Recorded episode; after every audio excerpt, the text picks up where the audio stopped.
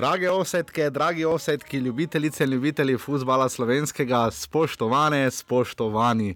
Lepo pozdravljeni v 120. offsetu oddaji o naši in vaši prvi ligi Telekom Slovenije in vsem, kar spada zraven tokrat seveda tudi Olimpiji in seveda absolutno najbolj futsalu. Preden predam besedo svojemu sogovorniku, uh, najprej seveda uh, ni bilo božične specialke, ker uh, je bilo kar nekaj odpovedi na tekmi medijske selekcije Nenka Maribor, kjer smo do zdaj dvakrat opravili neke vrste božično specialko.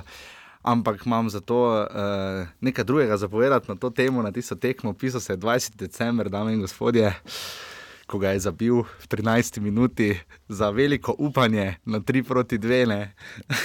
Lepo pozdravljeni, ne? vsi skupaj, da lahko eh, v naši družbi gostimo našega in vašega žigo kosak, avtorja zadetka medijske selekcije za 3 proti 2. Selektor je še danes nam ponosen, eh, žiga je pa bil takrat brutalno potovčen, ker smo na koncu izgubili spet proti 2. Žiga zdravo. Pozdravljeni, hvala. Uh, še imaš spomin, gol? Eh, pa v bistvu gol za moje pojme ni vreden nič, ker eh, ni bilo ekipnega uspeha. No. Pač, uh, jaz sem človek, ki ne glede na to, proti komu tekmujem, uh, hočem uh, zmagati. In, uh, to je mogoče, je moja napaka, da sem preveč tekmovalen, ampak uh, tudi če so nastali nasproti bivši profesionalci.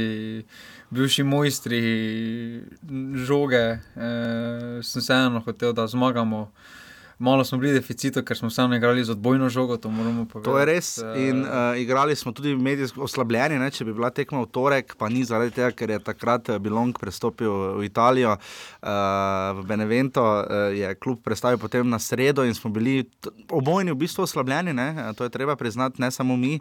Uh, Sredec prvega zdetka v prvi minuti je bil Andrej Petelinšek, uh, potem je pa uh, Žigica Vuksanovič zabil dvakrat. Ko sem, to... ko sem potekal vprašal slačilnici, koga Žigica koga vse je žikica nadribla, so štiri roke dvignili. Presenetljivo spretnje. No, ja. Jaz, vsekakor smo vedeli, da je kot bivši profesionalec spreten, ampak za branilca. Ima presenetljivo dobro tehniko. Ne? Ja, potem je Muamer Vukdalič povisal na 3 proti 1. Uh, ta neki kos je znižal na 3 proti 2, in potem smo se do konca polčasa res fenomenalno branili uh, z vsemi močmi in dobili gol. Uh, v 25. ni bil na nivoju. Ja, uh, sem deki toplak, je danes prispeval par stvari za oddajo, zdravo deki. Uh, deki tokrat, ampak nas je v preteklih letih toliko krat reševal. Res pa je tudi napredovali. Na tej tekmi je tudi reševal dosti ja, situacij. Lani je bilo 7-3, letos je bilo 5 proti 2, uh, deki je se absolutno trudil, tu nimamo kaj. Uh, dobili smo gol res 30 sekund tu nekje pred, pred koncem polčasa, in potem takoj na začetku, malo po začetku drugega, je uh, mlad in talentiran Zlatko Zahovič zadev v 30 minuti in to je bil potem končni rezultat. Uh, Res se ni skoraj nič gibal, pa vedno je bil nevaren za naš gol. ja, najboljši najbolj je bil kolega z, z kanala A, ki je rekel, da ga nismo tekmo vprašali, če kdaj je igral v futbol. Izjemno hvala, lepo smo se imeli, hvala nogometnemu klubu Maribor, hvala predvsem pa vam cenjene poslušalke, cenjeni poslušalci, offsetke, offsetke, da ste potrpeli tako dolgo, nekateri ste nas že spraševali, kdaj se vračava, kako se vračava. No, zdaj so se vrnili, tempo bo konstanten. Uh, uh, žiga vam sporoča, da žiga, kak je bilo v nažrebu. Za, evropsko, za evropski pokal. Za, pokal, za, za Ligo narodov. Za Ligo narodov. Uh, ja, uh, skrat... Samo še vedno ni, nisem pa prejel, pa, pa bila na čako novo leto. To pa tudi jasne. Mogoče drugo leto, mislim, to, konec letošnjega leta, da, že od 2018. Mislim, da bi se spodobilo. No. Absolutno.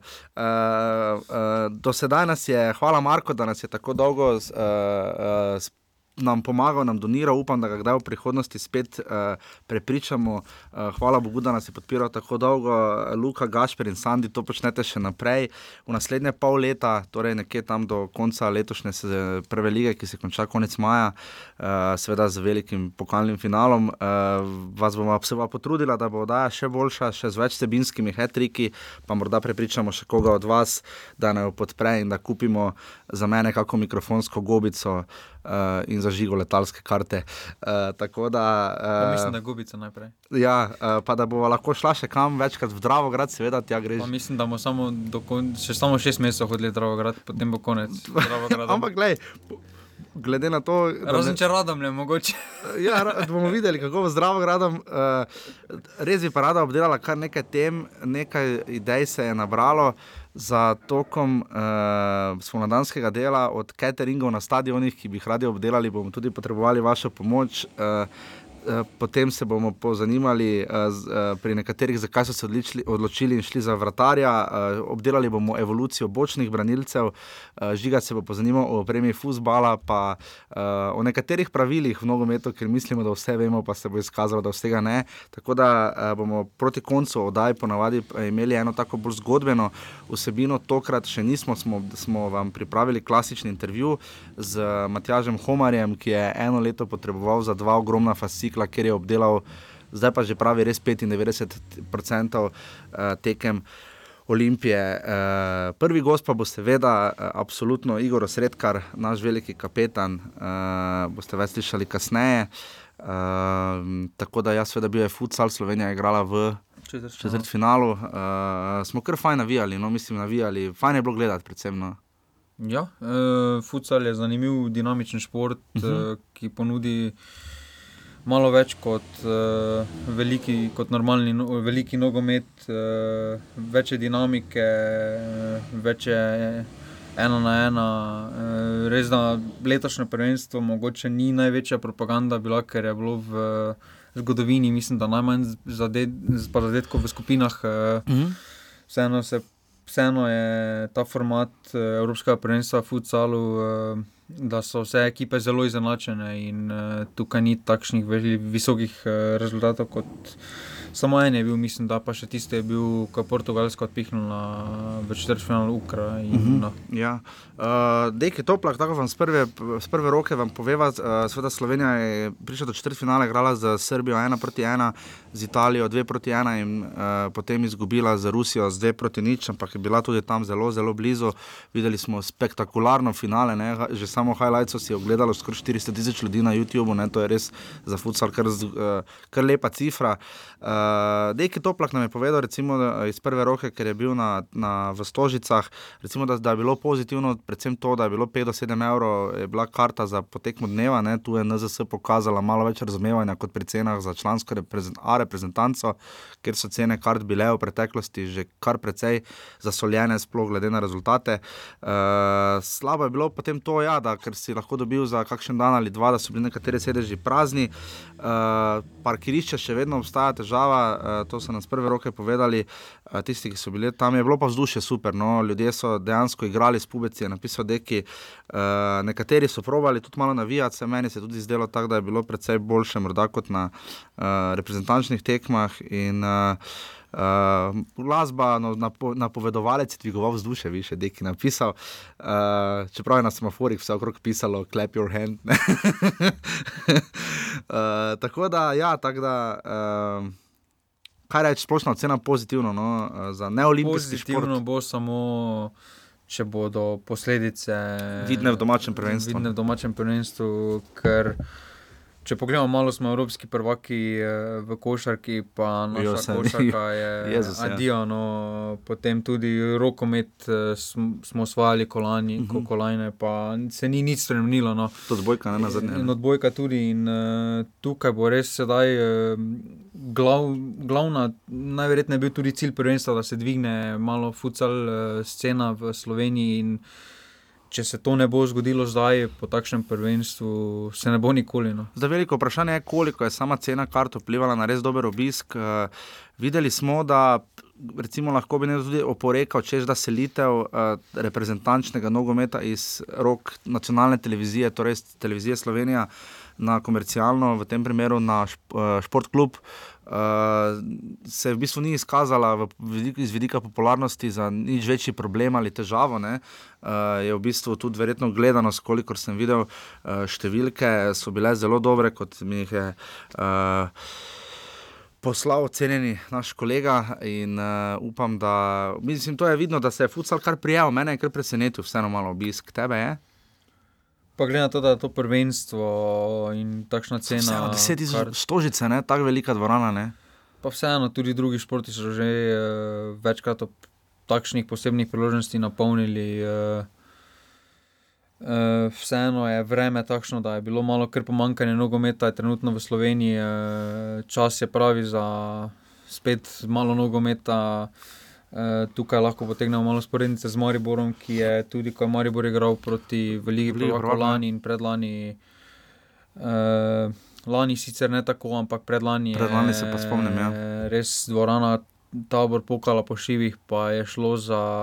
V bistvu se je vedelo, skoraj, da Maribor nima možnosti takrat. Eh, pa, so, pa niso prišli samo Mariborčani, tudi iz Koroške so prišli iz Prekmurja, tako da se zdaj v Ljubljano, pa mislim, da ni bilo dileme, da se bo napolnila. No. Za, vsaj, vsaj za naše tekme, na drugih tekmah pa me je obisk kar pozitivno presenetil. Ja, no. ker je bilo na drugih tekmah po 3, 5, včasih 6 tisoč gledalcev že v skupinskem delu. Večina jih je prišla gledati sceno Ricardinja.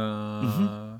Ki je res pokazal, zakaj je najboljši, tudi da bi bil, bil najboljši igralec, najboljši strelec. Ne? Ja, Pa pokazala se, potrdila se je teza, da ko se Portugalcem poškoduje, prvi zvezdnik v finalu zmaga. Zmagajo po podaljških. Ja. uh, tako da, ja, absolutno tu uh, skoraj da ni kaj dodati. Uh, upamo res, da se bo v našo futsal ligo zdaj to uh, prelevilo. Veliko je bilo seveda poslušano o tem, kaj pol, več kot polovica reprezentance sicer počnejo ti fanti.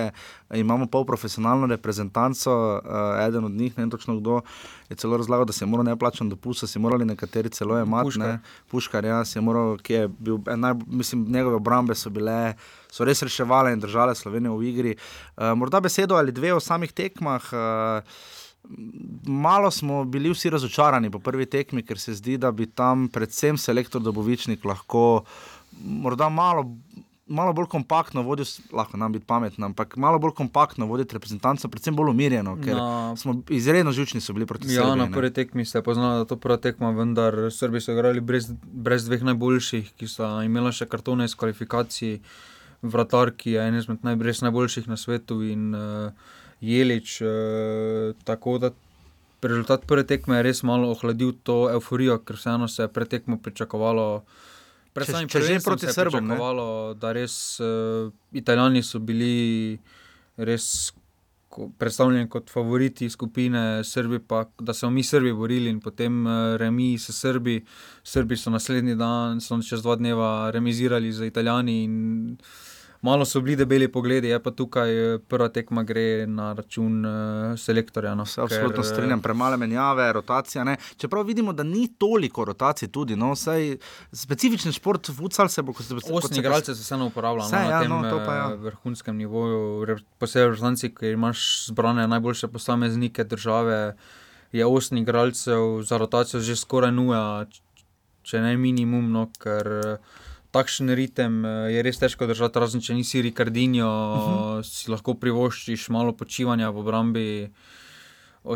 Pa tudi Ricardinho vidimo, da je na finalu kar nekaj časa presedel in potem, ko je prišel, je tudi tisti španski gol eh, iz prekinitve, gre na njegov. Uh mhm. -huh. Na, na njegovo. Na ja, tam je bil lim, čisto sam. In, Čist. Tukaj je premalo rotacije, bilo že skozi celo tekmo. No. Recimo en Turk, ki je res talent, uh, igra pri Litiji, redno. Uh mhm. -huh. Tukaj ni dobil niti minute. No. Res, to gre to na račun Andreja Doboviča. Pa tudi Čeh, na vse zadnje. Uh mhm. -huh. Tim Čeh je tudi veliko pokazal že v preteklosti. Ki je res uh, novi potencialno. Čeh na Timčeh, Timčeh je igral za Kurško. Uh, Žigačeh. Uh, zanimivo je tudi, da ne, uh, zelo, do, zelo veliko časa je bilo potem do tekme, mislim, da je bil kaj ponedeljek, sobota ali nekaj takega do tekme med tekmo za Srbijo in Italijo. Torek, torek sobota. Jaz sem se malo bal, da bo ta euforija mogoče malo splahnela, da bodo fanti preveč mislili o tem vodnem remiju. Uh, vidnejša poteza je bila ta, da je se selektor Dobovičnik preoblekel ne, na prvi tekmi v trenirki. Ja, pa tam je tudi skoraj. Uh, Če se mu tista poteza na koncu tekme ne bi maščevala z Italijo. Smo, z Italijo. Ko smo igrali pri 1-1 z igralcem več, ja, tam ni bilo nobenega ja, smisla, ja, ker je bil času, tam pri prvem polčasu, ko smo igrali tudi z igralcem več, je imelo smisel, ker smo imeli faule uh -huh. in uh, smo s tem pritisnili Italijane na svojo polovico in smo s tem v bistvu smo si rekli, da ne moramo faula narediti, no tam na koncu pa. Tiste vrste zelo kaskadersko. So še malo reprezentanti, so še malo čudno gledali, ko so te lani tako prišli priložnosti. Bi štel remine. Ja, na, nam bi štel remine, potem uh, italijani so tam, hvala Bogu, da je mordej. Uh, tam se klizno, po domače rečeno. Ja. In smo se potem pomerili z Rusi, tekma z Rusijo pa seveda. Uh, ni kaj očitati uh, našim fantom, ker so se res borili. Uh, to, to je bilo jasno, vidno, zadeli tudi vratnico, po ena proti nič, tam je imel ravno naš današnji sogovornik, še potem še eno res izrazito priložnost. Osred, kar me je na tej tekmi kar očarano. Pre, preveč. Uh... Glede na njegovo pozicijo, glede na njegovo vlogo, ko smo igrali z igralcem več, ko je stal na sredini, ko je organiziral uh, je predolgo držal žogo. In, je pa res zelo dolgo. Se je potem takoj naredila razlika, ko je čujec mm, prišel, na to, na lo, je prišel na to. Je imel strel uh, in uh, smo postali malo bolj nevarni, medtem ko sredkar se je videlo, da je bil soliden, ni pa bil to sredkar, ki je bil recimo proti Italiji. No. Proti Italiji vrhunski, ker je dal sveda oba zadetka. In prav uh, Igor Sredkar, 31-letni kapetan, absolutni rekorder po številu nastopov, uh, nasledil je Benjamina Melinka, uh, posoško legendo Futsala, ki je nosil kapetanski trak pred njim. Uh, Igor Sredkar 144 tekem in 72 zadetkov res impozantna statistika, vse, kar je dal. In... Ne bo pa najverjetneje, kljub temu, tem številkam bo še vedno Miles imel novic smatran kot največji futsal igralec Slovenije. Kdo? Miles imel novic. Ja, Miles imel novic, ja. Uh, slabo sem te za hip razumel. Uh, tako da zdaj se bo pa razbrcal, uh, torej kapetan reprezentance Igor Osredkar.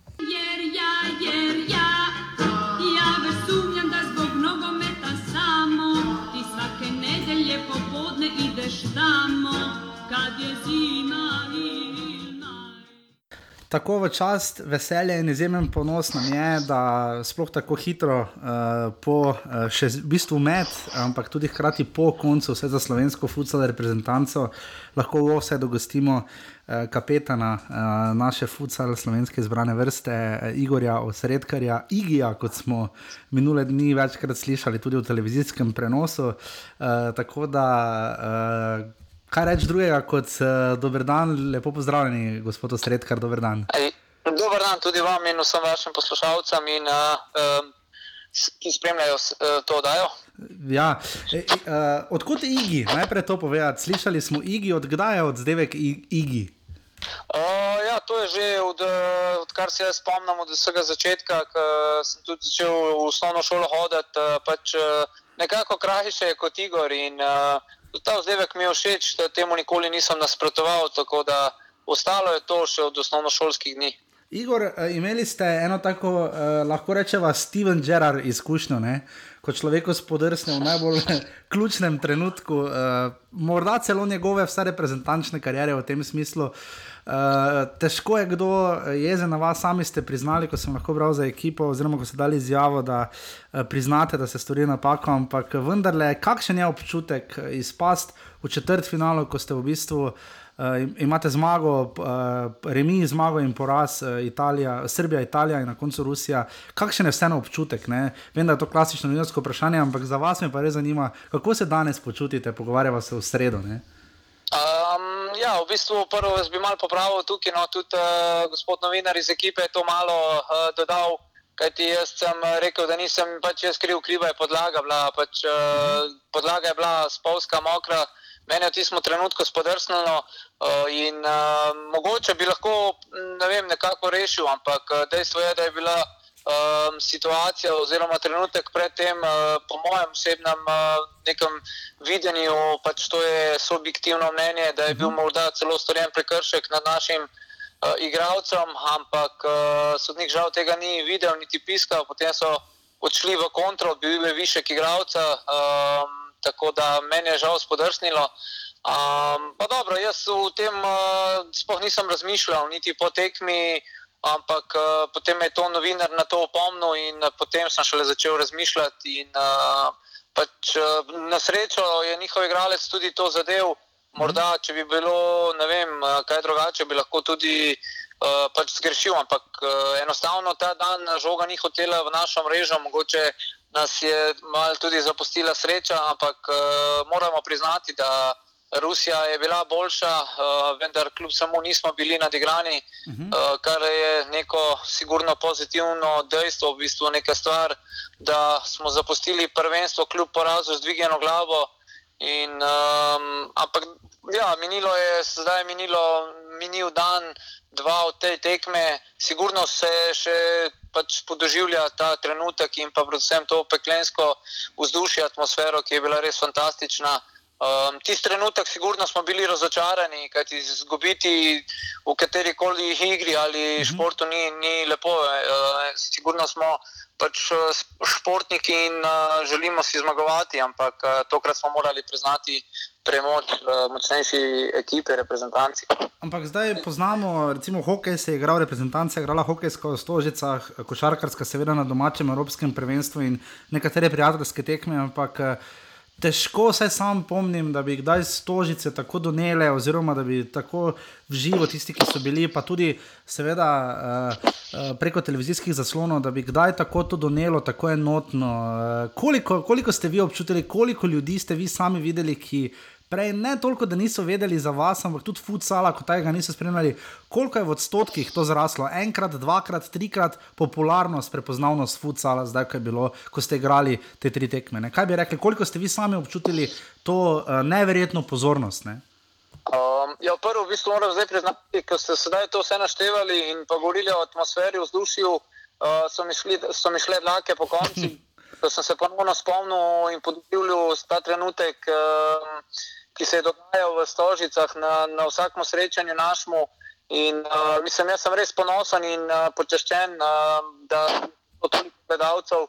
Če bi pa govoril o odstotkih, uh, bi sigurno rekel tisti najvišji odstotek. Uh, ti, um, vemo, kakšna je bila situacija do sedaj v Sloveniji glede tega športa, glede futsala. Uh -huh. uh, vedeli smo, da ljudje pač uh, imajo radi, ampak da bi pa v takem številu hodili in uh, do sedaj bili na, ta, na bilo katerem srečanju našem, na reprezentančnem nivoju, tega si pač res uh, ni nihče predstavljal pred prvenstvom, da bo tako vzdušje, da bo toliko zanimanja. In želeli smo si, sigurno, ampak uh, jaz sam iskreno nisem pričakoval na treh naših srečanjih trikrat razprodano dvorano, trikrat uh, peklensko atmosfero, vzdušje. In uh, pač tem, uh, na tem Evropskem prvenstvu smo res začutili, vsak uh, posameznik, uh, da pomenimo nekaj v tem športu, da nas ljudje sedaj prepoznajo tako na ulicah, uh, kot novinari, da vejo, čem, v katerem športu se govori, kdo smo igravci. In uh, mislim, da je bil to res uh, zadetek popolno nogometne zveze, da se je odločila za ta korak. Jaz sem jim pač zelo hvaležen za to, kajti sedaj smo spoznali da smo na um, zemljevidu športov v Sloveniji, tudi glede popularnosti. Kot ste sami omenili, um, sigurno so stožice bile uh, do, veliko krat uh, polne, ampak uh, tudi sam spremljam športne dogodke. In, uh, Sko bi rekel, da je bila kdaj tašna atmosfera, morda je bila kakšno tekmo uh, večja številka glede uh, gledalcev, ampak uh -huh. da pa je bilo tako vzdušje, kot je bilo predvsem tisto tekmo proti Italiji. In, uh -huh. um, mislim, da ne, vem, ne bi se zmotil, če bi rekel, da to še ni bilo. In uh, res smo lahko ponosni, da smo bili mi del tega. Ko pomislite na svoje začetke, na prve članske tekme, ne, pa predvsem potem, kasneje v Litiji, ker je večina igralcev, pa tudi seveda po drugih slovenskih klubih, od Maribora in tako naprej. Ko pomislite na začetke, recimo na prvo člansko tekmo in to zdaj v Stožicah, kaj bi primerjali, kaj se je vmes vse zgodilo? Ne? Ste kapetan, imate največ zadetkov in nastopov, ste najbolj kompetenten sogovornik, da recimo nas peljete skozi recimo vaše začetke in to, kjer je danes futsal. V čem je razlika, kako bi opisali? Um, pa ja, mislim, da um, to je tisti začetki. Ne bom rekel, no, da bo delovalo malo pristransko, da bi rekel, da je bilo to. Da je to plunek, v bistvu kaplja v morje, um, kar se dogaja sedaj ampak ni daleč od tega. Uh, dobro, Futsal ima neko tradicijo, Slovenija ima dolgo tradicijo, ampak uh, kar, kar se je sedaj dogajalo na tem Evropskem prvenstvu, to je, to je res ena velika poezija.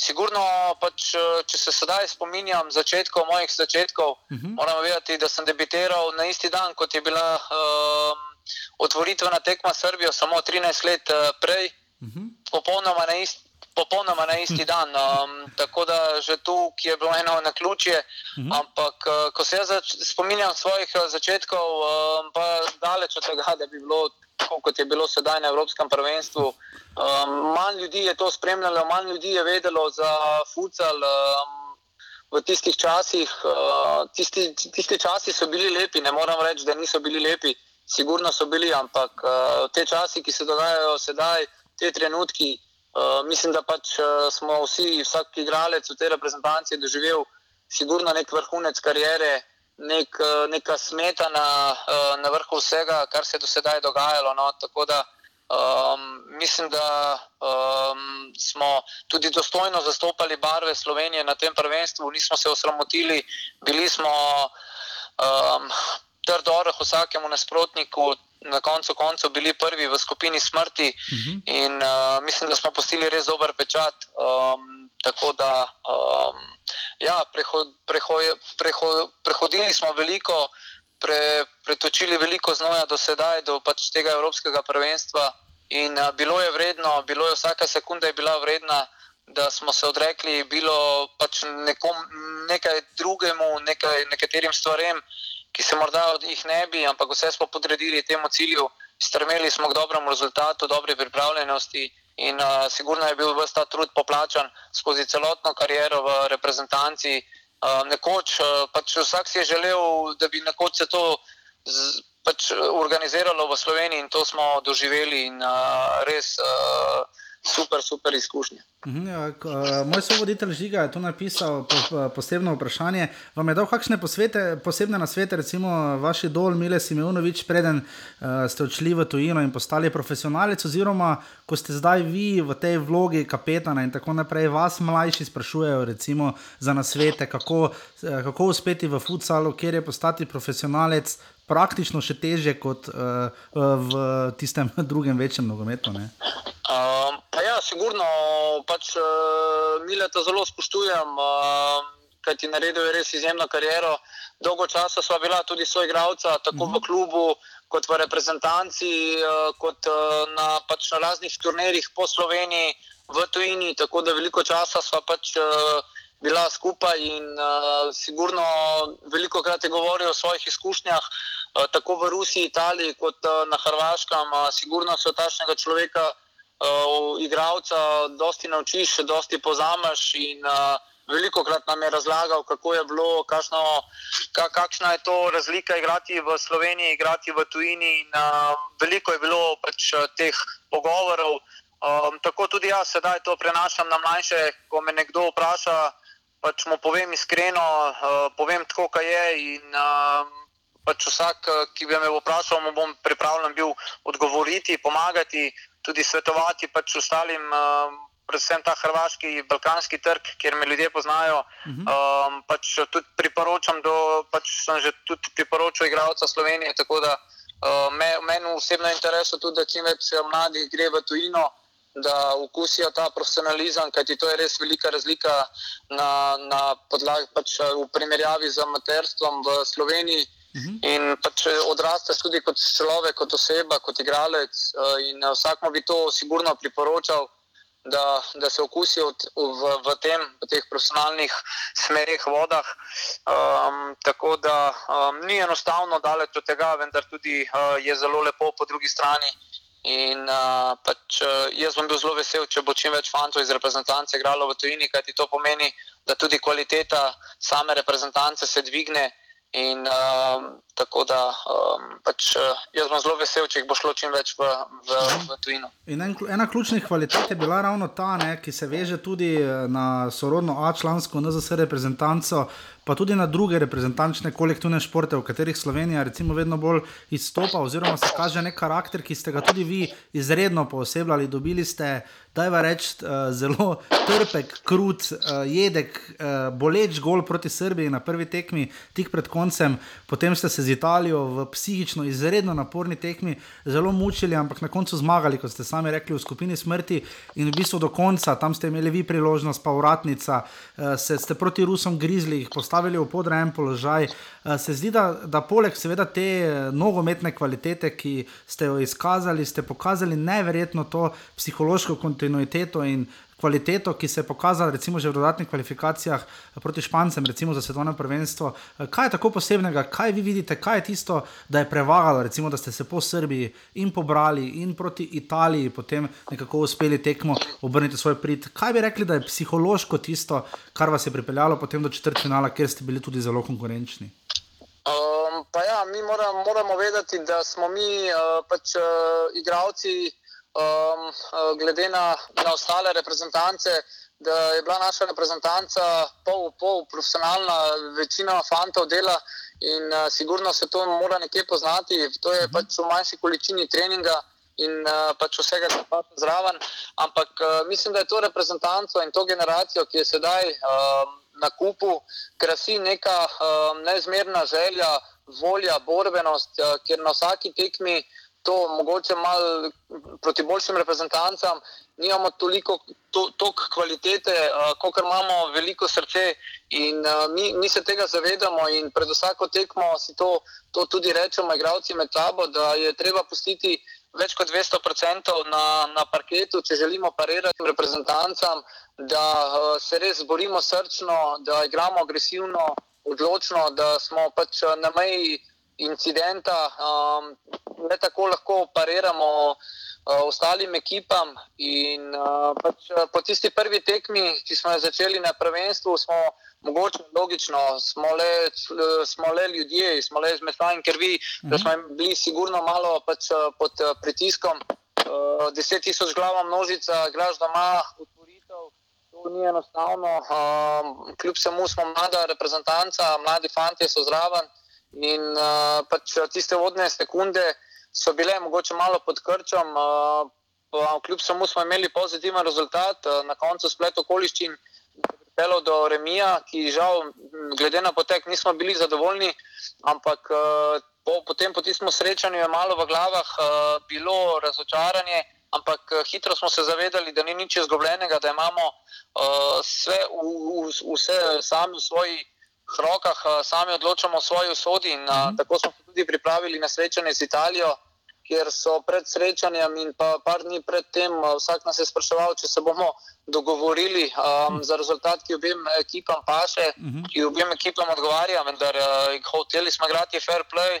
Uh, in uh, odigrati pač, uh, po svojih najboljših močeh, uh, brez kakršnega koli dogovora. Uh, In tako smo se tudi odločili, da gremo v srečanje uh, odločno, hrabro. Uh, in um, na polčasu smo zaostajali, ampak potem smo se pogledali fanti v oči in si rekli, če je to zadnjih 20 minut na tem prvenstvu, dajmo padati moško, dajmo se vršiti na glavo, gremo se po domače povedan sfajtati. In tako je bilo drugi polčas povsem druga ekipa smo prišli na teren, dominirali in nadigrali ene uh, evropske prvake izpred uh, štirih let iz uh, Belgije, pozmagali to tekmo in uh, morda je sred, to srečanje proti Rusiji prišlo malo prehitro, uh, glede pač re, uh, regeneracije. regeneracije mm -hmm. Ampak uh, kljub vsemu, kot ste sami omenjali, nismo bili nadigrani, držali smo v kotu eno vrhunsko ekipo imeli svoje priložnosti, da bi celo izenačili. In eh, vprašanje, kaj bi bilo, če bi mi to tekmo povedali, povedali za ena nič, uh, sigurno bi se tudi njim začele malo otresti hlače noge. Ampak, uh, kot sem že prej omenil, uh, ta ekipa ima nek karakter in predvsem ima ogromno, veliko srce, kjer uh, vsak fant, uh, vsak igralec, tudi strokovni štab, ne smemo pozabiti, fizioterapeute, ki se trudijo. Mm -hmm ki so mogoče kdaj zapostavljeni. Um, res smo ena kot ena velika družina in po domače povedano. Um, Poginjamo na, na igrišču za pozitiven rezultat, in uh, to smo do zdaj že veliko krat dokazali. In če smo taki, uh, smo vsakemu nevarni. Morda še ta del, uh, bral sem različna mnenja tistih, ki uh, futsal spremljajo podrobno, zlasti na nekoliko daljši rok. poudarjajo, da se igra iz vidika gledalcev, torej vseh nas v igrišču, kar precej spremenila iz vidika in atraktivnosti. Uh, kako ste tu vi, uh, recimo, uh, slišal sem, mislim, da Tino Mazek je rekla, da recimo smuk še pogleda, da se ji pa vele slalom zdi dolgočasen. Kako ste tukaj vi, če recimo gledate futsal po televiziji, kako atraktiven šport, koliko je tu evolucija samega futsala se spremenila, kako atraktiven je, kaj bi se morda lahko v igri spremenilo, čeprav ko igrajo pod narekovanji naši, je seveda vedno napeto in zanimivo. Kaj bi vi tu rekli? Um, ja, dejstvo je, no, da gledati uh, ta šport, da, da gledati futsal po televiziji. Uh, je sigurno drugače, morda za nekoga celo dolgočasno. Uh -huh. uh, um, pogledati uh, ta šport uh, v živo, in uh, mislim, da so to ljudje in gledalci sedaj v stoži za to videli, da je to popolnoma drug šport. Vsaka živa šteje. Ja.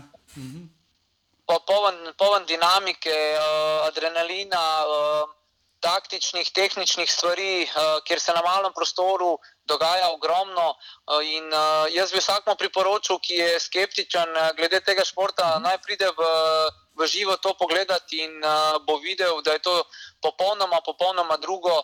In uh, predvsem problem tudi mogoče, kdaj je prenos uh, samih uh, futsal tekem. Uh -huh. Kajti, če pogledamo mi neko Španijo, Brazilijo, uh, Um, morda je ta italijansko prvenstvo, ko tu, tukaj pogledaš um, pač tekmo po televiziji, uh, že takrat je lepo gledati, kaj ti prenos se naredi res kvaliteten z večjimi kamerami in uh, sigurno, ko so počasni posnetki, ko so razne situacije obklopi in posnamejo, je to sigurno atraktivno, uh, lepo, vendar mor, morda je problem včasih, da se pač prenos je mogoče malo slabše kvalitete, ampak na tem Evropskem prvenstvu smo videli, da so tudi tukaj uh, ljudje opravili vrhunsko delo. Kajti, uh, jaz sem si samo včeraj pogledal uh, dva srečanja in uh, moram reči, da, da je prenos res uh, tudi uh, vrhunski. No, da, um, je zanimivo, uh, hitro mi mine tekma. Uh, tudi tukaj na tem področju se je bistveno, bistveno popravilo, bistveno se je izboljšalo. Uh -huh. Če pogledamo uh, preostala uh, leta, ki um, vemo, kakšno vlogo je imel, da ni bil toliko na televiziji. Sedaj vemo, da pač eh, tudi na, na naših televizijah se lahko ogledamo najmočnejšo ligo na svetu, trenutno to je Španska uh, liga. Mhm. Tudi tukaj so začeli prenosi se v živo, tako da res, res uh, vrhunsko je to pogledati. No. In, jaz sam osebno priznam, če na sporedu tekma velikega nogometa lige prvakov ali pa futsal, sigurno si ogledam futsal tekmo na TV-ju, morda tudi zaradi tega, ker sem pač v tem športu, ampak.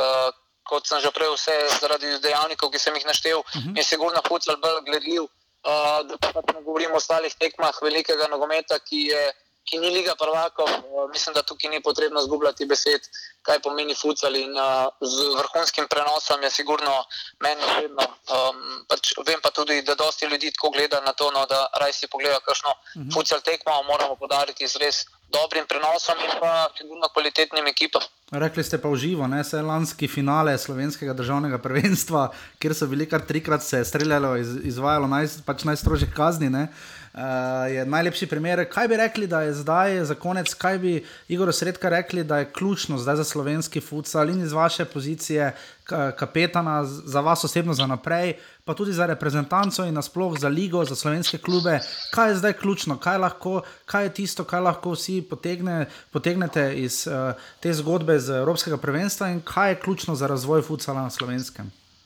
Ja, pa sigurno. Um, sedaj so odgovorni na um, nogometni zvezi in šire, šire videli, da kaj futsal pomeni v Sloveniji, da je neka euforija in uh, pač uh, to ljudje, ki so za to postavljeni na te pozicije, pač morajo to dobro izkoristiti. Um, kar se tiče marketinga, kar se tiče ostalih stvari, vemo, da največji problem so sigurno finance v Sloveniji, mhm. glede tega športa, kot, isto kot marsikaterega drugega. In uh, jaz verjamem v to, da so dovolj pač, odgovorni so te ljudje, da vejo, kako stvari streči, ampak mislim, da bi bilo sedaj res pametno to izkoristiti kajti je neka futsal euforija trenutno, kajti sam osebno vidim, da pač uh, ljudje kličejo, sprašujejo za adres. Uh, če bi imel na voljo, ne vem, pač, koliko številko adresov, bi sigurno jih lahko vse podel, po, po, po, podaril po talu. No? Tako da um, je neka euforija in jaz upam, da se bo iz tega res nekaj vzelo pozitivnega in da se bo vlagalo v futsal. Uh, futsal si to zasluži ljudje ga imajo radi.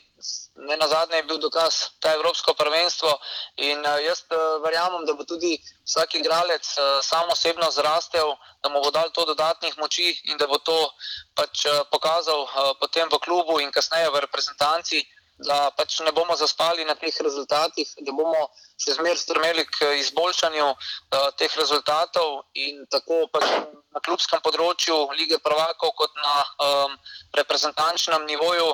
Da jaz si sam želim, da ljudje, v bistvu, da si otroci um, bojo um, pač odločili za ta šport, da bojo čim več otrok se opisalo da bo začelo trenirati futsal. Uh -huh. Kajti tudi sedaj je bilo v ogromno, v stožicah, ogromno otrok se je želelo slikati z nami in uh, sigurno, kot sem že omenil prej, imajo radi ta šport in uh, jaz verjamem, no, da um, bo po tem Evropskem prvenstvu, da se bo to še dvignilo tudi iz medijskega po, smisla, v bistvu z medijskega področja.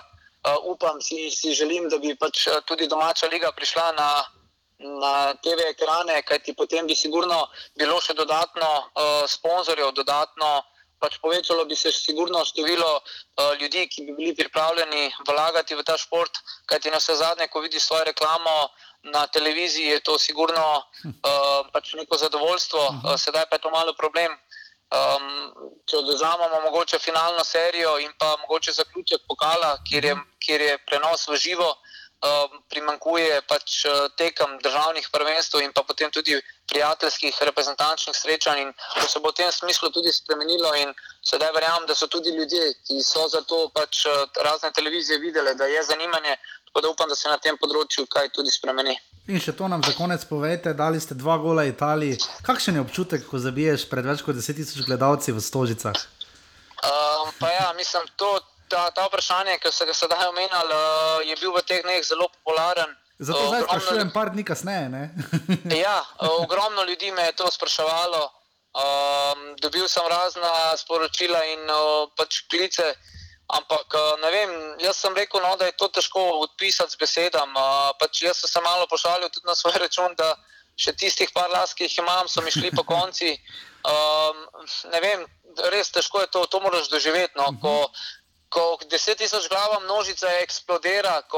Jaz sam, ki sem zadeval prvi gol, sploh nisem vedel, kam uh, iti, kam, kako se veseliti, uh, kaj storiti. Uh, enostavno sem se prepustil tem občutkom. In, uh, pač, um, ne vem, kar nekaj časa je trajalo, da sem prišel na svojo stran, da smo pač ponovno začeli, kajti res sem užival v teh trenutkih. Uh, in predvsem uh, tisti zadnji zadetek, ki sem ga dosegel, uh, Če bi bilo, po mojem, bi se zapeljal žogo direkt v gol, ampak uh, ni bilo mogoče, ker je igralec prihajal v obrambo. Uh, res uh, noro, noro, noro doživeti in uh, sigurno se mi je to vtisnilo v spomin in uh, to bom sigurno dolgo, dolgo časa pripovedoval tudi svojim otrokom uh, in uh, res neverjetni, neverjetni dogodek. Igor, sredka, najlepša hvala, da ste bili naš gost v Daj Offside. Hvala seveda za vse, kar ste dali in upam, da še boste dali slovenski futsal reprezentanci. Eh, ste v bistvu na nek način tudi zgodovina reprezentance v živo oziroma na dveh nogah. Tako da res hvala, da ste si vzeli čas za nas in čim več zdravja in športne sreče še naprej. Hvala tudi vam in za vaš čas. Hvala, Dio. Hvala, lepo zdrav, nasvidenje. Jer ja, jer ja. Ja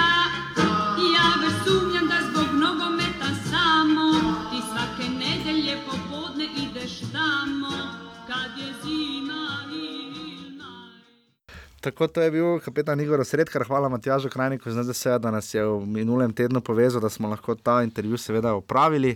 Uh, upamo, da bomo imeli čim več sogovornikov in tudi v prihodnosti tudi iz futsala, seveda, uh, kjer si ta šport absolutno zasluži to pozornost in vse po mojem mnenju tudi enkrat postati morda celo olimpijski šport. Ne. Pa mislim, da bo prav vseeno. Uh, glede na to, veliko bolj eh, zanimiv bil ta futsal uh, turnir olimpijski, kot pa tisti v 23 nogomet, ja, ki ga doben ne gleda. Ki ga doben ne gleda, čeprav ni pa, recimo, finala znajo biti zanimiva, no, Mehika, ko je zmagala, recimo pa tako naprej. Ja, samo do, samo dobena vele sila, ne vem, tistega ne. turnira, resno medtem, ko pri futsalu bi Brazilci, Španci, Portugalci, ja, Rusi. Bi vsi res, resno, bi resno vzeli na ta turnir. Uh, tako da to je to, uh, seveda zunaj so.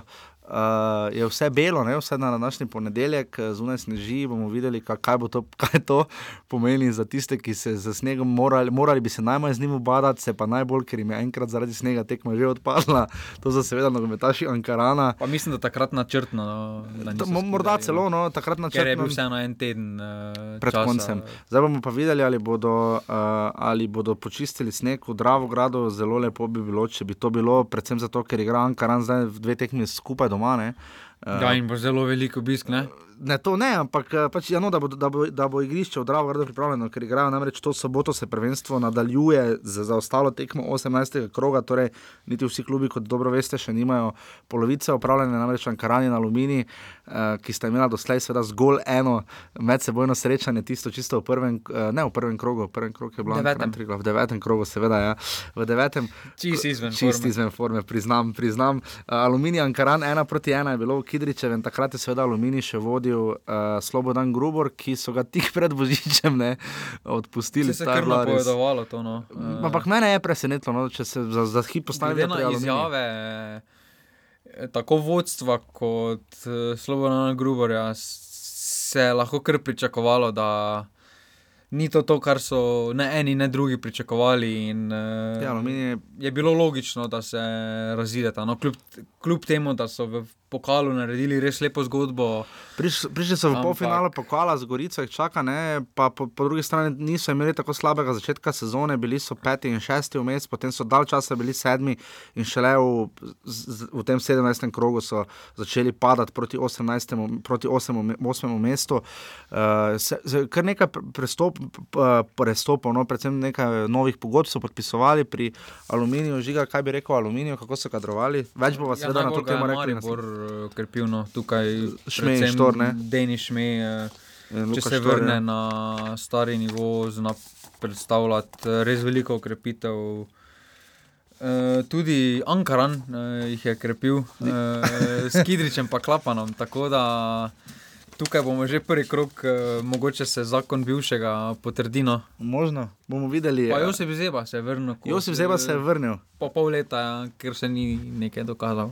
Uh, kaj še reči o odhodi pri aluminiju? Uh, da je en mensa šel, torej imamo samo še enega mensa, tako da bo lažje. To je. Derek. Ta je že igral, prav, ni ta oni, ki je prišel v aluminij iz, Ne. ne, aha, iz Krškega. Ne? Ja. dobro. Uh, Pa tista ukrepitev. Sanin Mominovič, to je Jak- največji odhod. Jak, ne, v bistvu to je prišel pred sezono, pa se ni nekaj izkazal uh Mhm. -huh. in uh, je bilo logično, da, da je to tono. Ja. Tudi Matej Rodin je prišel pred sezono, pa se ni uh, dokazal. In, Konec sezone si tu uh, zelo dobro povzel, pogodba poteče eh, trem Bartuloviču in pa predvsem Škofleku in Vrbancu, ki Ja, sta postila Vrbanec, velik eh, pečat. Ne? Ja, oba dva bo takr. Uh, tukaj mogoče se lahko spomnimo na kakšne domžale, da, bo, uh Mhm. -huh. da bi mogoče se stegnili za enim ali drugim, ker domžalčani imajo kar dobre izkušnje z igralci iz eh, Aluminija in uh, tudi najverjetneje oba dva imata kakovost uh, za malo višji nivo kot je Aluminij. Uh -huh. Pa tudi logično je, da res to je skoraj da zadnji čas, da naredita neki korak naprej, drugače bo ta kot sorčan. Ja, v, in pa glavna sprememba pri aluminiju, kot smo že omenili, Oliver Bogatino je sedel na klop, ima nekaj izkušenj že iz Kopra, Mure, ne, pri nas v naši. eh, Priprave so imeli res dobre. No.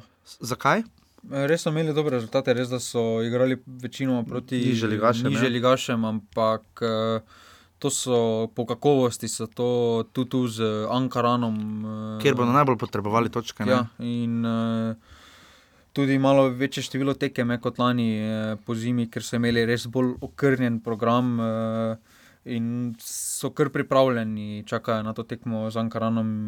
In mislim, da glede na njihovo kadrovanje, glede njihove tekme, s, uh, se bodo kar dignili po lestvici. No, vseeno po kakovosti so malo, imajo, viš, imajo višjo kakovost kot eh, na tem mestu, kaj so trenutno. Imajo pa kar kruta prva, zdaj naslednja št- kroge, ne? imajo tekmo recimo z aluminijem, zdaj najprej z Ankaranom, ima aluminij in pa potem seveda še z. Uh, potem pa z Krškim vmes, pa še z Mariborom in potem z Olimpijo, tako da imajo kar taki malo uh, bipolarni urnik. Dve zmage, dva porada. recimo, bi bilo več kot zaželeno. In potem je tu seveda še Ankaran, uh, ki ga še naprej vodi Vlado Bažim. Uh, vrnil se je Erik Gliha, kot smo lahko videli, pri Avelinu ni igral niti minute. Super. Uh, reprezentant, ne na zadnje, in sin. Uh, Lahko pa prebereš, da se zapustil, ti dovolim. okay. Sven Dodlek, Emir Davotovič, Dino Škvorc, David Nazim, Gal Princ, Štefan Petrovič, Panagiotis, Papadopolo, Stin Kara, Matič, Vinko, Cerovec, Mihovil, Klapan, Rok Kidrič in Marko Matič. To so igralci, ki jih več, vse ste si seveda zapomnili in uh, ki jih več ne bomo videli v belo-modri kombinaciji. Pomembno je, da je Raul Junior Delgado tu še vedno. Uh, Pa me leže. Pa. Uh, Podaljšanje pogodbe ne, poteče pogodba Stefanu V bistvu Smithu. pri poteče pogodba. Čaki, Od štirih profesionalnih pogodb ne poteče pogodba. No. Ankaran je igral tekmo s Sibalijo, ker so šli dol z igrišča, to je bilo to. Uh, ker ne bi sodniki ja. Tako feskradli. Rezultati pripravljalne tekme Ankarana, kaj so pokazali? Da je toplo hladno. No. Toplo da, hladno, no. Da edino meleže predstavlja neko dano vrednost, eh, pri njih ostali pa so res kljub naporu vodstva, niso na nivoju prve lige. No.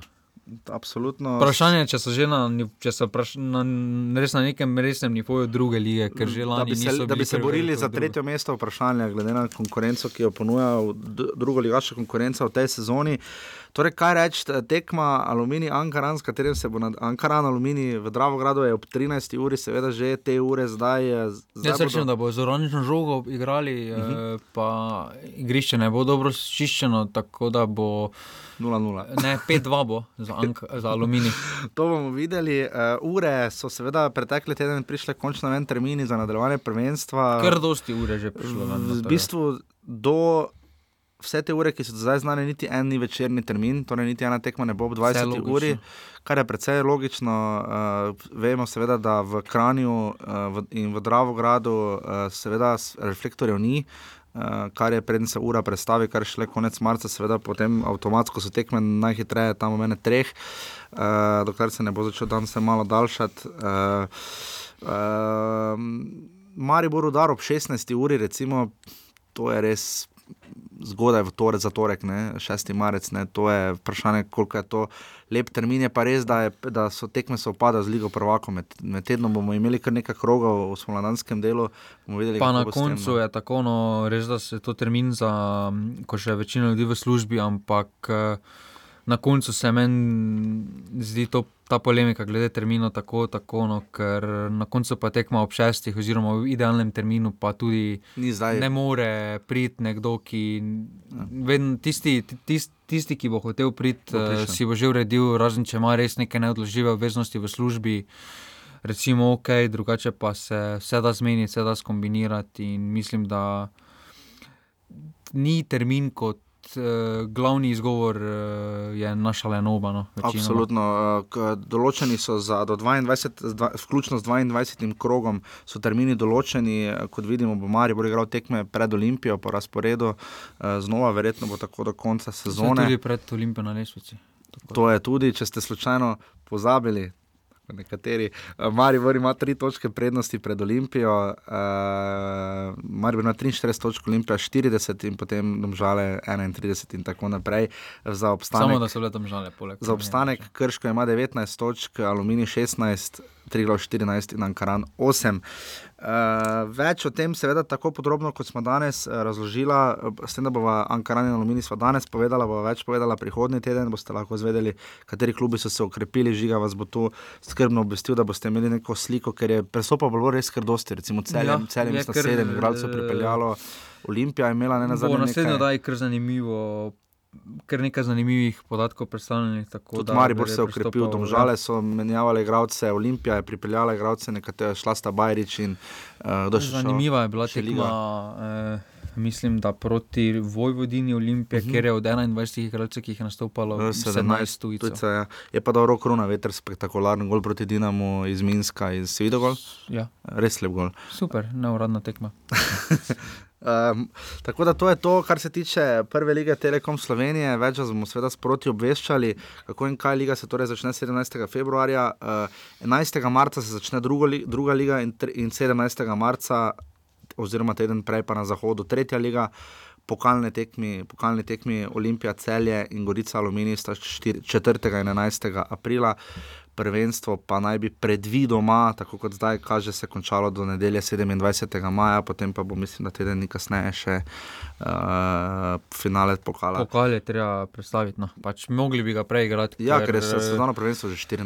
čeprav mi Ker tam. potem so ponovno minimalne priprave za, Za za Evropo. evropske klube. In, Uh, več o na hitro še o pokalu narodov, o Ligi narodov vam povem, potem zdaj vam bo pa se znova razgovoril. Smo, res sem vesela, da imamo spet uh, fajn gosta, ki res daje slovenskemu nogometu, uh, tisti, ki delamo to na uh, bolj ali manj uh, prostovoljni ravni. Uh, takšne zgodbe vedno radi vidimo. Uh, Matjaš Homar se res trudi, trudi z uh, statistiko, uh, tudi zelo dobro ime, obtažava, uh, ob, obtažava R. Ne? Uh, No. Uh, je res eh, lušna stvar, statistika, slike, ki jih ponuja, je res kar, kar, kar korenit pogled v zgodovino Olimpije. In uh, Matjaš ima zelo statistični pogled, sva pa govorila tudi nekaj na temo pravnih podlag za obdelovanje statistike. In mislim, da boste zvedeli kar nekaj novega in upam, da boste obtažabar tudi posledili. Še bolj pa, da bi se česa takega seveda lotili še drugi, oziroma da bi predvsem to znala ceniti tudi Nogometna zveza Slovenije in tako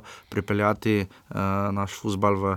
21. stoletje in uh, narediti res tako podrobne statistike, kot jih je naredil Matjaš, tako da razbrco se bo, heket, gospod profesor. Jer ja, jer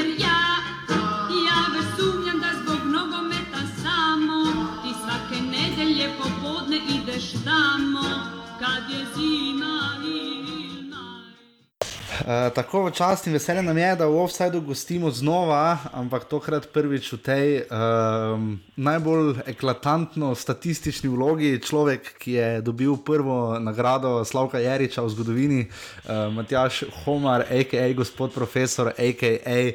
Optažabar. Uh, Matjaš, zakaj si optažabar? Ja, to je pač najprej eh, lepo zdrav vsem poslušalcem.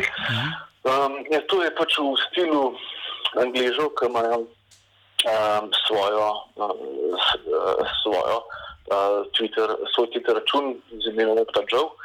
In na ta način sem se jaz tudi uh, pomislil, da se nekaj poskapa, če ne bi pa Optažabar. ne. Da s- tako v eni besedi poveš, v čem teče tematika, ne? se pravi, Olimpiji, po statistiki.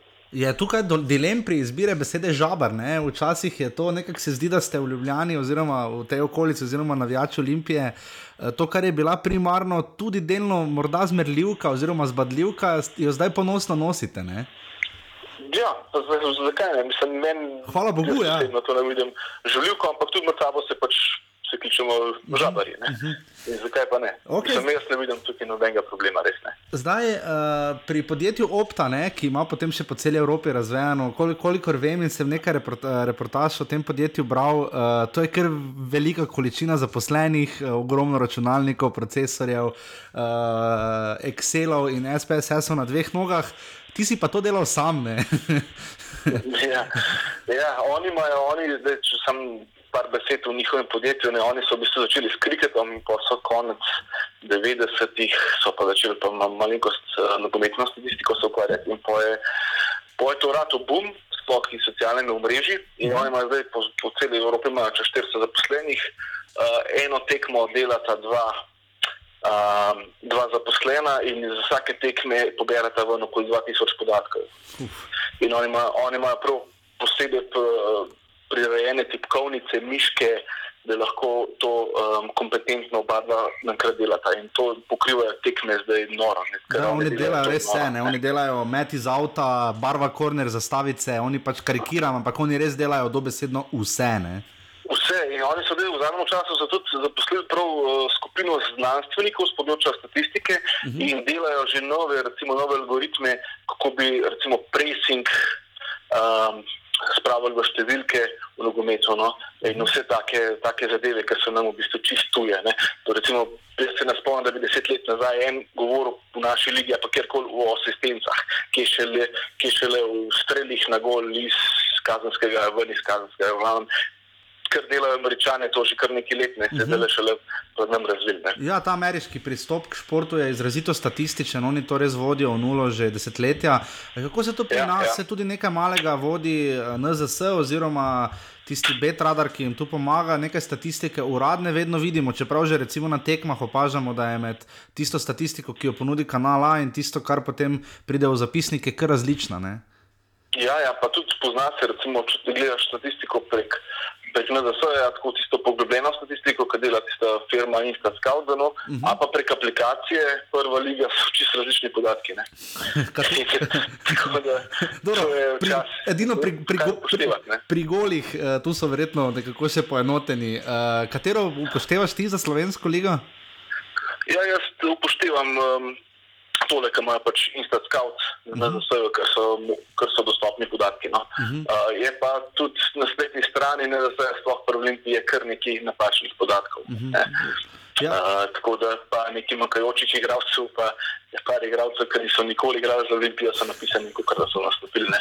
Okay, do tega še Ja. pridemo. Matjaš, ja. Ja. včasih je tisti, ki dalj časa spremljamo uh, nogomet in smo ga ogromno pregledali tudi po televiziji. Se spomnimo, da je Andrej Starek, komentator na televiziji Slovenija, večkrat uh, povedal, oziroma se znal postaviti za svojo statistiko, ki jo vodi od leta tega in tega. Ne? Uh, verjetno si ti ugotovil, ti si se res pa v nulo poglobil, več kot eno leto si delal uh, to statistiko. Koliko je manjkalo doktor Staretu, doktorju, ne, uh, in koliko si še ti nadoknadil, in koliko je zdaj ta statistika res popolna? Ja, um, zdaj doktor Stare ima zelo drugačne podatke kot vam jaz. On je v svojo statistiko za nastope igralcev in zadetke štel tudi prijateljske tekme. Uh -huh. Jaz sem se pa izključno osredotočil samo na uradne in tiste, ki so bile registrirane. Uh -huh. In zato prihaja do velikih uh, preskokov med samimi številkami. Ne. Uh, jaz ne, ne morem dati noter ene tekme, ki so igrali prijateljsko na vsaki gasilski veselici ne, in so igralci zadevali po 20 golov, uh -huh. to pač ne morem noter dati. Ne. In zato pri meni recimo uh, doktor Stare ima v statistiki napisan, da je najboljši, uh, da ima, da ima največ nastopov, Vili Amaršek 596, ne. Uh -huh. jaz sem jih naštel svoje 432. To ravno gledam. Ja. Ja, in uh, tako da, ampak v uradno statistiko grejo tudi samo uradne tekme. Ne? Sem to govoril z angliškimi statistiki in so mi vsi potrdili, da samo uradne tekme, prijateljske se nikoli ne štejejo. Uh -huh. če, ni, če ni to pod okriljem kakšne zveze. Ne? Torej, zdaj gremo, da- gremo v drobovje. Ne? Zdaj je Olimpija. Uh, najprej, tudi sam si napisal, uh, da si spisal vse uradne tekme enka Olimpije in njenih inkarnacij. Kaj točno to pomeni? Uh, kdaj, kdaj, kdaj je Ja. nastala Olimpija, kdo je Olimpija, kaj je Olimpija? Ne? Ja, še zelo težko vprašanje. Ne? Ampak jaz sem se lotil statistike delati od leta 1920 naprej. Uh -huh. Ker uh, tudi prej Ilirija do leta 1920 ni igrala uradnih tekem, samo prijateljske. Včasih so bile prijateljske zelo pomembne. Eh, ampak sprva Liga v Sloveniji se je šele 1920 ga osnovala uh -huh. in sem v bistvu prevzel tekme Primorja, ker Olimpija večinoma, če gledamo po igralcih, igrišču oziroma stadionu, po dresih, izhaja veliko bolj iz Primorja kot torej iz Ilirije. ne. Ampak ta, ta pač letnica 1911 tukaj bolj simbolizira začetek ljubljanskega nogometa, ne kot same Olimpije. Ne. In potem se je Primorje je, se je vcepilo leta 36, matič, tudi Primorje je bil pač vse, vse ljubljanski klub, od vaterpolistov, uh, smučanja, vsega so bili noter in se je nogometni del cepil, se je premenovalo SK Ljubljano, stadion isti, igralci isti, dresi isti in to se je preko let premenovali, združevali, gor dol do leta 62, ko pa prvič nastopa pa pod imenom Olimpija. Mhm. Tako da teh, teh klubov, ki so pač, ki do današnje Olimpije izhaja iz meje, je bilo kar nekaj. Ne? Zato sem pa pač tudi napisal, da so to razne inkarnacije tega kluba. Ne? Mhm. Ampak, če sledimo, sledimo samim poteku igralcev, igralcev v stadionu, recimo trenerskega štaba, se vidi jasna korelacija uh, teh stotih let. Mhm, Zdaj, potem so še, vsa, koliko je tekmovanj, v katerih je vse Olimpija potem igrala, ne? ker tu so republiški pokali, uh, potem druga liga, ne? tega je bilo kar nekaj. Ne? Uh, ogromno, Pa ogromno. da- Jaša, to je, to je, Kaj- kaj- to je teh lik, po mojem tekmovanju, bilo okoli 20, ki je Olimpija nastopila. Če seveda pogledamo, da je igrala nova Olimpija, ta zadnja inkarnacija, je seveda igrala v vseh ligah, od 5, 4, 3, 2 in 1, ne? Uh, in pa seveda v pokalu Slovenije. Kaj so še pokali, recimo, katera tekmovanja se jih zdaj z glave spomniš, pa jih morda mi ne poznamo sploh več? Ne? Recimo, to so bili razni ljubljanski nogometni pokali, takrat, ko je sredino 80-ih ko je spadla v bistvu slovensko ligo, to je bila takrat reka Jugoslovanska, so se igrali pokali Ljubljanske nogometne zveze in če se ti s pokalom osvojil, uh -huh. si se uvrstil naprej. Uh, v slovenski pokal, iz slovenskega pokala pa je jugoslovanski pokal. Aha, se podobno je še danes. Ja. Mhm. noro podatkov za te tekme, se praktično ne dobi razno rezultatov. In uh, tukaj je problem. Ne? Jaz sem tudi z bivšimi igralci go- govoril, se sploh ne spomnijo teh tekem. Pač jaz so vam zabeležene, ne? pa so le pa še razne. Um, razni um, balkanski pokali, kot je evropski, pa od prve zvezdne lige, druge, do ljubljanskega nogometnega pokala, prvenstva, do prvenstva HSL. Uh, v glavnem to je bilo noro, en- enih lik in tega. Uh -huh. da, Zdaj, ko greš na Wikipedijo, ne, najdeš prvo ligo 1920, Slovenija, Republik Lik, ne, eh, čisto prvo ja. Sezono, ki jo je dobila Ilirija. Uh, katere podatke je bilo najtežje najti, katero obdobje pred, eh, med obema vojnama, po drugi svetovni vojni, v 50-ih, 80-ih, kaj je najtežje najti? Največ podatkov manjka se prav to uh, po prvi svetovni vojni, od 1920 do 1941. No? Moramo povedati, da tukaj le te podatke, te podatke nisem zbrojil jaz, ampak kolega Miha Zupan. On je, mi dva se še čist dokaj na ključno spoznala in so za, začela to stvar skupaj urejati. No, on je rekel, jaz bom podatke brskal, ker ve, kje jih dobiti, jaz sem pa samo vse vnesel noter. In so pol še oba dva pregledala, vse zadeve preštela, uh, tako da res klapa, kot pač, kakor lahko. Ne. Ker za vse tekme, vseh tekem v bazi imam 2871. Koliko misliš, da jih manjka? 95 Ja, za, za, za 95 odstotkov imam pokrite vse podatke, od Mhm. sodnika postav, streljcev, minut, števila gledalcev, um, golov in tako naprej. Mhm. 5% tega je pa nepopolnih in verjetno so te podatki zmeraj izgubljeni, razen če se naenkrat ne zapeljamo kam v Zagreb ali pa v Beograd Mhm. in kakšen arhiv. Kje, kje je bil, um, kaj je bil glavni vir, ne? razen časopisov, medijev, uh, almanahov, kaj, bi- kaj je bil glavni vir tebi, kje si iskal, kaj, kje si iskal tisto, kar je najtežje najti? Ja, v Nuku, po starih časopisih, samo to. Ker nikjer na netu ne dobiš te podatke. Se Čitalnica vnuka je kar lušna, mislim, tisti časopisni del, eh, samo skrolanje je kar malo dolgotrajno. Ne? Ja, to so bili razni časopisi, jutro, polet, eh, slovenec, pa tudi pol, kasneje dnevnik, pa delo sta tudi objavljala kaj. Ampak za določene tekme res, sploh če bila pokalna, uh, sred tedna, pa so igrali recimo ne vem, proti Boklju iz Kot, uh, Kotorja, to ne dobiš nikjer podatkov o postavah. Uh -huh. Prezadevaš, da je bila zelo, da je bila verjetno ista kot par dni prej, ampak če, niso, če nisem siguren, če niso razmišljala sigurna, jo niso, dala, niso napisala, kdo je točno igral. Mhm, Koliko, se, koliko ti je tu klub pomagal, oziroma bom tako vprašal, v Mariboru recimo, je tudi Branko Horjak, recimo, ko ga je Tavares začel loviti, kar dal časa razlagal, da recimo ni prepričan, da so te številke, ki jih klub sam, recimo v tem konkretnem primeru NK Maribor vodi, da so natančne, ker je bilo toliko teh tekem, da niso vedeli razno raznih pokalov in podobno, ne? potem so pa tu še seveda prijateljske tekme, kaj kdo vodi in kako in kaj. Uh, kaj bi ti rekel uh, za, tu, tu, za te klubske statistike, ki jih zdaj vodimo? Ne? Zdaj si rekel, manjka samo še 5 odstotkov, ampak eh, kaj bi tu rekel, ne? koliko je ta statistika, ker je pomembna na koncu, ko jo resnično pogledaš. Recimo včasih, ko smo gledali nekaj časa nazaj, koliko golov, recimo je za Maribor dal Matjaš Kek, ki je bil kasneje branilec, ne? ampak seveda jih je dal v 80-ih veliko v razno raznih pokalih. Ne? Kako ti vidiš na ta del? Ja, ja veš, kako je jaša, le, ne moreš z glavo skozi, ne moreš, če podatki niso dostopni, oziroma če se jih ne najde, uh -huh. pač ne moreš to notro štetno.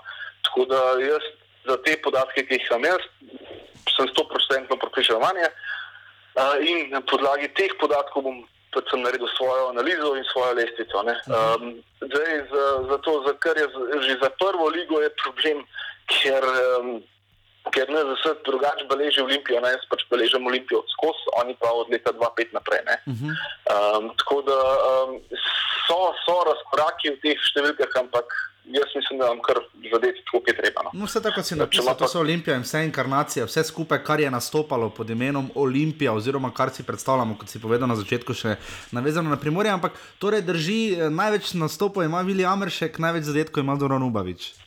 Ja, sam, zdaj, problem je pri teh zadetkih. Ne, um, zadetek v prvi jugoslovanski ligi je sigurno več vreden, kot bo peti slovenski. to pa absolutno drži. Ja, in Ubavič, Ubavič je tudi, če mu štejemo vse gole v nižjih ligah slovenskih, se pravi, mislim, da jih je pa zadev 48, uh -huh. še zmeram, je še zmeraj najboljši strelec. no. Kdo je najboljši strelec, koliko, koliko to veš zdaj na pamet, kdo je najboljši strelec Olimpije v prvi jugoslovanski ligi? Uh, tole pa, uh, to bo pa po Amršek, uh -huh. uh, jih je da pa 106, mislim. da. Mhm, verjetno največ nastopov v slovenski ligi ima Dušan Kosič, ne?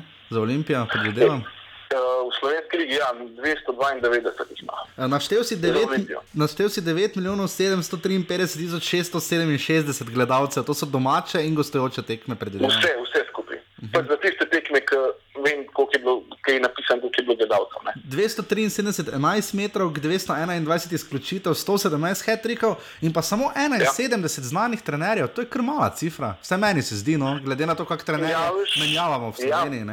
Ja. ja, um, problem je, sem problem. Mislim, samo Milan Mandarič jih je zamenjal pet. Včasih po vojni, po vojni niso imeli ekipe trenerjev. To je bil v bistvu trenerji, bo kar ekipo je pripravil uh, komisionar.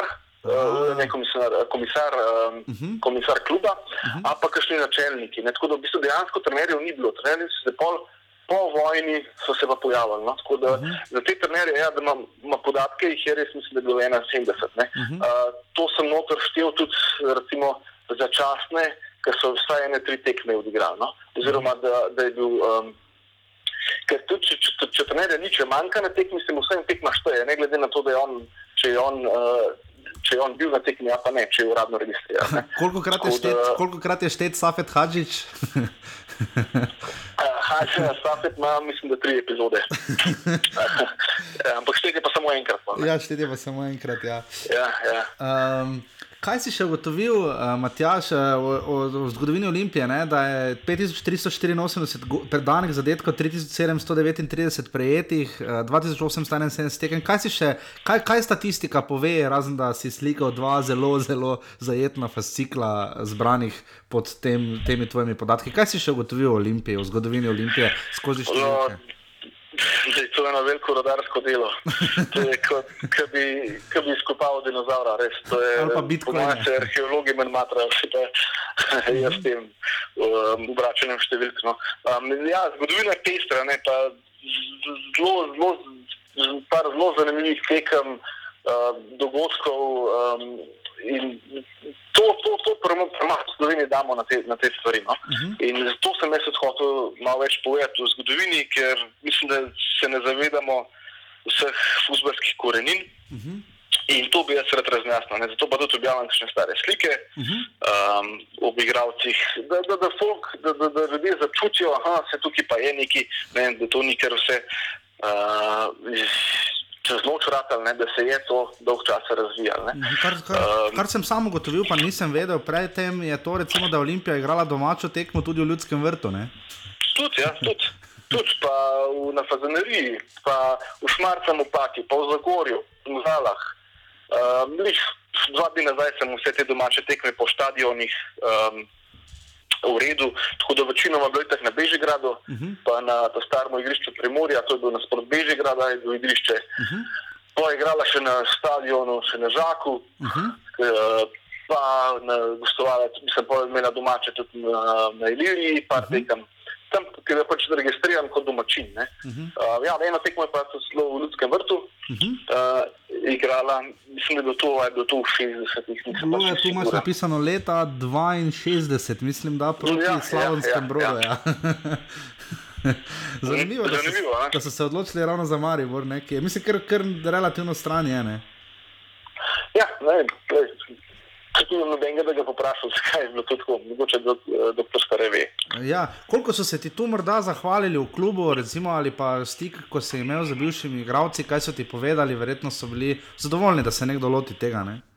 Ja, seveda, seveda, se s klubom, ki pomagam, uh, skupaj nekako sodelujemo, za vsako tekmo jaz naredim pregled statistike nasprotnika, um, koliko je bilo zmag, kakšne zanimive, zanimivosti ne se najdejo. Uh, tako da, da, da se res nekaj dela na tem, no, ker ne verjamem, sem nisem še opazil, da bi kakšen slovenski klub še tokle podrobno šel, uh -huh. uh, kot gremo zdaj z Olimpijo. No. Tako No. da, Klju- Ključno vprašanje je, ne, sploh glede na to, kako si privržen za srcem pri stvari, kdaj boš naredil še uh, opta verzijo za Maribor?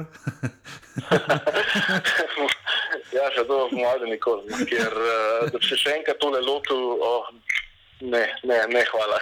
Kaj pa bi svetoval nekomu, ki se tega loteva, kaj bi rekel, kje naj začne, oziroma na kaj naj bo najbolj pozoren, da bi zbiral vse te podatke? Ne? Ja, treba pozorno najbolj, da so podatki točni, da jih dobro, da se jih pa da se jih vsaj ene trikrat pregleda, preden se to kaj objavi. No? Uh -huh. uh, pa veliko časa pa vse tega drugega pa čist nič, ker enostavno to je res, to moš biti res malo mahen na številke, da, da, da se tega lotiš. No? Koliko, koliko boš še dopolnjeval to, zdaj boš to verjetno statistiko Skozi, skozi. skozi. ne? Skozi. Uh, bom še, imam še zmeraj imam še nove ideje, zmeraj vidim, kaj bi še lahko um, ven iz tega izluščil pametnega, ne? ker statistike je ogromno in sam moš iz, iz, iz podatki moš ti neko zgodbo narediti. Uh -huh. ne, recimo najbolj, vsaj meni bizarna statistika recimo, je posest žoge. Ne pove praktično nič, uh -huh. dokler ni Barcelona pod Pepom igrala uh, vsest, noben ni govoril o tej posesti. Zdaj pa Ja. kar enkrat vsi govorijo o posesti in novinari, navijači hoče to posest, rekord v zadetke, ampak to nikakor ne gre. Ne. Uh -huh. um, tako da, recimo, čisto banalen primer butaste statistike, vsaj za mene, je recimo, ki je bil pred parimi meseci, sta igrala United pa Stovk in je za Stovk zazel nek nogometaš, ki ima v imenu vezaj. In to je opta Džove objavil, da je bil to 24. igralec, ki je zadev proti Unitedu, ki ima vezaj v primku. Razni Sean Wright Phillips in podobni. Ja, ja, ne. Recimo, meni se pa zanimiv podatek, pa zdi, recimo, za eh, kapetana Olimpije Branka Ilča, ki je moče rojsten dan, uh -huh. da svoj debi je, doseg, je, je, svoj debi je dosegel že marca 2004 za Olimpijo, no? na prvi gol je počakal pa 14 let in 6 mesecev. Ja, to, to, pa, to bi Je pa pa skoraj bil rekord dosegel. lige, ne? verjetno bi bil. Ja, ja, ja. Verjetno bi bil. Veš, Se to je problem zdaj tkle? Jaz po- podatke sploh zelo težko primerjam z ostalimi klubi, ker Ja, ja, nimam na razpolago od ostalih klubov. ne. Uh, da, bi, da bi recimo primerjal Olimpijo, Maribor, Olimpijo, Koper, karkoli. ne. Problem je, ker od ostalih še ne vem ne, in težko primerjam zdaj. Ne? Torej, drži tisto, da, drži tisto, da Olimpija nikoli ni zmagala na stari Bonifiki. Uh, na stari Bonifiki, ja, uh, takrat se je 26 let, mislim, da je trajal mrka. Ne? nekaj takega. Ja. Od leta, ja, od, od, od konc, David, konc 80-ih, mislim, da bo celo še 6000 gledalcev na Bonifiki in pol, ja, ni zmagala, uh, kar mislim, da okoli 20 tekem. Ja, potem dokler niso Ja, obnovili. ta, ta prvo, ki, ja, ta, ki pa da zmagal, da ste ga pa ni kapun. Aha, no vidiš, ki je trenutno Ja, še v Olimpiji. Ja. Matjaš, najlepša Ja, ja. hvala, da si bil naš gost in da si se tega lotil. Tudi nam v Offsideu pride statistika Opta Žabr zelo prav. Upam, da se uh, razvije kdaj še Opta Joža na Štajerskem ali kakorkoli bi se že imenoval. In da bi se tudi predvsem naredil slovenski Opta ali pa na nek način, uh, da bi imeli čim več teh podatkov, ker uh, Ja, ja. včasih zelo prav pridejo. Ne? Ja, sej, recimo imam pa vse derbije z Mariborom, imam pa posebej rubriko in tam pa štejem vse uh, minute odigrane igralcev, koliko zadetkov, v katerih minutah so padli zadetki, vse. Pa ne, pozabi pač na, možno, no. pa ne pozabi na vezaje in igralce z dvojim, dvojnim priimkom, kot je bil Antonijo Delamea Mlinar. Recimo? Ja, uh, kaj še problem, ne sploh v predvojnih časih, iz igralcev mediji niso zapisovali z imeni priimka, ampak samo iz ljudevki. ne. In? Potem je, ja, seveda, ne. Potem, je, potem imaš noter napisan v delu, zadev je Pepčak, zdaj pa kdo je bil to. In da se izkaže, da je bil to recimo Josip Bertoncev. ne. Aha, ja, no. Res Ja, pa je, da na kanalu A tudi za Olimpijo igra Riki. Prosim? Na kanalu A igra za Olimpijo Riki, ne? kot uh, poznamo Rikarda Alvesa. Ne? Tako da, ja. Ja. Matjaš, eh, obilo sreče s tem delom še naprej, da boš izpopolnjeval statistiko in res hvala, da si si znova vzel čas za vse. Ja, malenkost, malenkost, hvala tebi za povabilo, dela je pa še ogromno. No. Ja, verjamem. Lepo vodi, Matjaš. Čau, srečno. Enako, hvala, ja, še živo. Čau.